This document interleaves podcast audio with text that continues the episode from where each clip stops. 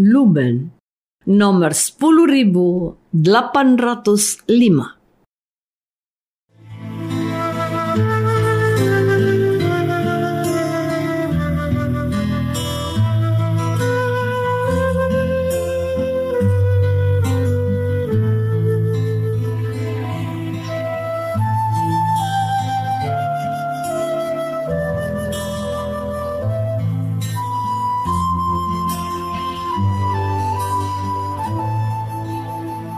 Saudara pendengar di segenap penjuru tanah air, selamat bergabung dengan Lumen Indonesia.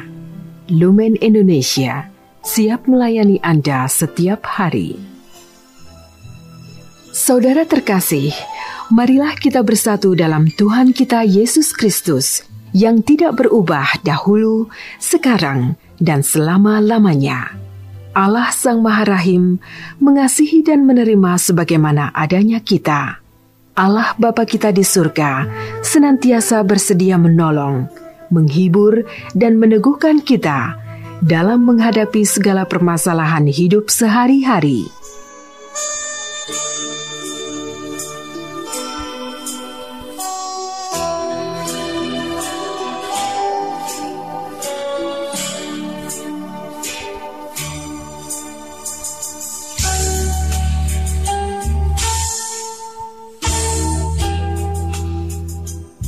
Saudara-saudari, marilah kita mendengarkan renungan dengan judul Melawan Cobaan.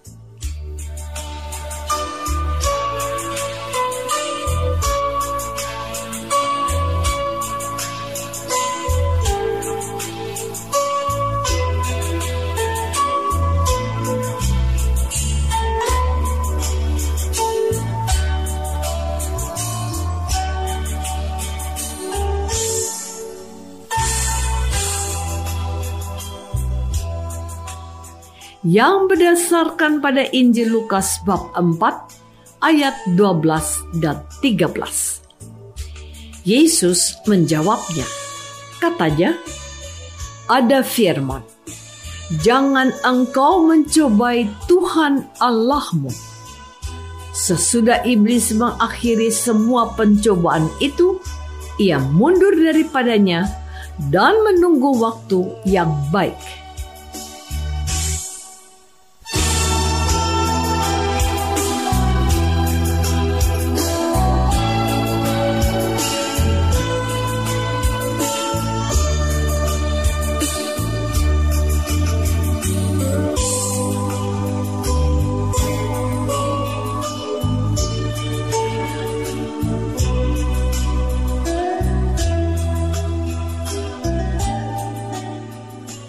Dalam nama Bapa dan Putra dan Roh Kudus. Amin. Saudara-saudari terkasih dalam nama Tuhan Yesus Kristus. Dalam bacaan Injil hari ini, kita mendengar bagaimana Yesus menghadapi cobaan saat memulai berkarya. Dikisahkan bahwa Yesus yang penuh dengan Roh Kudus kembali dari sungai Yordan, lalu dibawa oleh Roh Kudus ke padang gurun. Di situ Yesus tinggal 40 hari lamanya dan dicobai iblis. Selama di situ, Yesus tidak makan apa-apa. Dan sedah waktu itu Yesus lapar. Lalu berkatalah iblis kepada Yesus, "Jika engkau anak Allah, suruhlah batu ini menjadi roti. Jawab Yesus kepadanya, ada tertulis, manusia hidup bukan dari roti saja. Kemudian ia membawa Yesus ke suatu tempat yang tinggi dan dalam sekejap mata ia memperlihatkan kepadanya semua kerajaan dunia. Kata iblis kepada Yesus, segala kuasa itu serta kemuliaannya akan kuberikan kepadamu, sebab semuanya itu telah diserahkan kepadaku, dan aku memberikannya kepada siapa saja yang ku kehendaki. Jadi, jikalau engkau menyembah aku, seluruhnya itu akan menjadi milikmu. Tetapi Yesus berkata kepadanya, "Ada tertulis, engkau harus menyembah Tuhan Allahmu, dan hanya kepada Dia sajalah engkau berbakti." Saudara-saudari terkasih, cobaan yang Yesus alami tidak hanya berhenti ketika iblis menggoda Yesus untuk mengubah batu menjadi roti dan meminta Yesus untuk menyembah iblis. Penginjil Santo Lukas melukiskan bahwa kemudian iblis membawa Yesus ke Yerusalem dan menempatkan Yesus di bubungan bait Allah. Lalu berkata iblis kepada Yesus, "Jika engkau anak Allah, jatuhkanlah dirimu dari sini ke bawah, sebab ada tertulis mengenai engkau. Ia akan memerintahkan malaikat-malaikatnya untuk melindungi engkau, dan mereka akan menatang engkau di atas tangannya supaya kakimu jangan terantuk pada batu. Yesus menjawabnya, katanya, ada firman, jangan engkau mencobai Tuhan Allahmu. Sesudah iblis mengakhiri semua pencobaan itu, ia mundur daripadanya dan menunduh waktu yang baik. Kalimat terakhir dari Injil Lukas ini perlu kita garis bawahi dan menjadi perhatian bagi kita semua bahwa iblis tidak menyerah tetapi mencari waktu yang tepat. Saudara-saudari terkasih, setiap hari umat manusia selalu menghadapi berbagai cobaan, termasuk kita, umat Katolik dan Kristen. Cobaan itu terdiri dari tiga kelompok. Pertama, makanan yang biasa kita makan setiap hari. Bahkan dalam satu hari kita makan lebih dari satu kali. Artinya, godaan pertama yang dialami oleh Yesus berkaitan dengan hidup dan mati manusia. Sebab kalau kita tidak makan satu hari saja, kita akan kelaparan. Kalau lebih dari satu hari, tentu bisa mendatangkan sakit dan penyakit sampai bahaya kematian. Kita dapat membayangkan bagaimana keadaan Yesus yang sudah 40 hari berpuasa.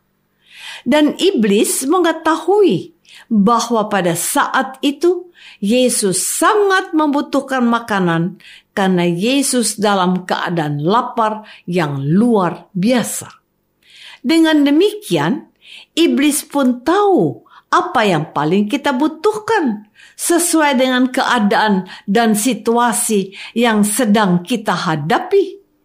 Misalnya, bagi orang-orang yang sudah menikah, godaan pertama yang banyak dialami ialah berselingkuh atau bercerai dari pasangan, maka tidak mengherankan bila kita menyaksikan perceraian dalam keluarga Kristiani terus meningkat dari waktu ke waktu. Saudara-saudari terkasih, cobaan kedua yang dialami oleh Yesus berkaitan dengan uang dan harta benda maka tidak heran jika saat ini banyak orang yang terjerat oleh kasus korupsi termasuk orang-orang Kristiani. Kita ingin memiliki harta benda atau materi dan uang dengan cara yang salah. Sedangkan godaan ketiga yang dialami Yesus yakni menjatuhkan diri dari atas bubungan bait Allah berkaitan dengan kesombongan. Kita ingat Hawa yang dicobai iblis. Iblis mengatakan bahwa Hawa bisa jadi seperti Allah kalau Hawa makan buah terlarang. Dan saat ini dengan sadar atau tidak, dosa kesombongan menggerogoti kita. Orang berlomba merebut jabatan atau status dengan segala cara. Mereka bangga dan jadi sombong ketika apa yang mereka inginkan tercapai. Anak-anak malu memakai sandal, sepatu, atau baju yang sudah bertahun-tahun mereka pakai. Mereka ingin membeli baju baru dan membuang yang lama. Semua itu karena dorongan kesombongan. Demikian pula remaja, orang muda, dan orang dewasa yang berlomba-lomba memiliki barang keluaran terbaru seperti handphone dan mobil. Ini semua pengaruh dari dosa kesombongan.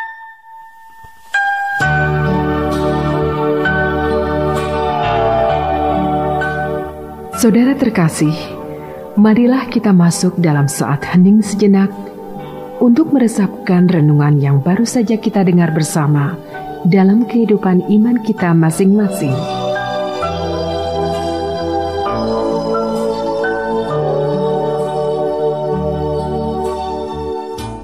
Apakah selama ini kita sudah berani melawan cobaan yang kita alami dalam hidup sehari-hari, seperti yang ditunjukkan oleh Yesus.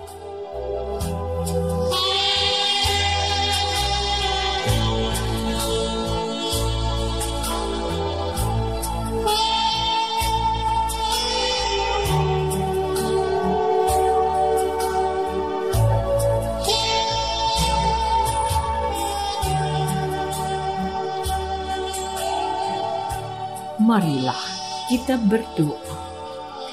Tuhan Yesus Kristus, Engkau pernah mengalami cobaan sebanyak tiga kali untuk menunjukkan pada kami cara mengatasi cobaan tersebut. Bantulah kami, umatmu, agar kami kuat dalam menghadapi berbagai cobaan. Yakinkan kami bahwa Engkau lebih besar dan mampu menolong kami. Doa ini kami persembahkan dalam namamu, Tuhan dan pengantara kami. Amin. Semoga kita semua selalu dinaungi dan dibimbing oleh berkat Allah yang Maha Kuasa, Bapa dan Putra dan Roh Kudus. Amin.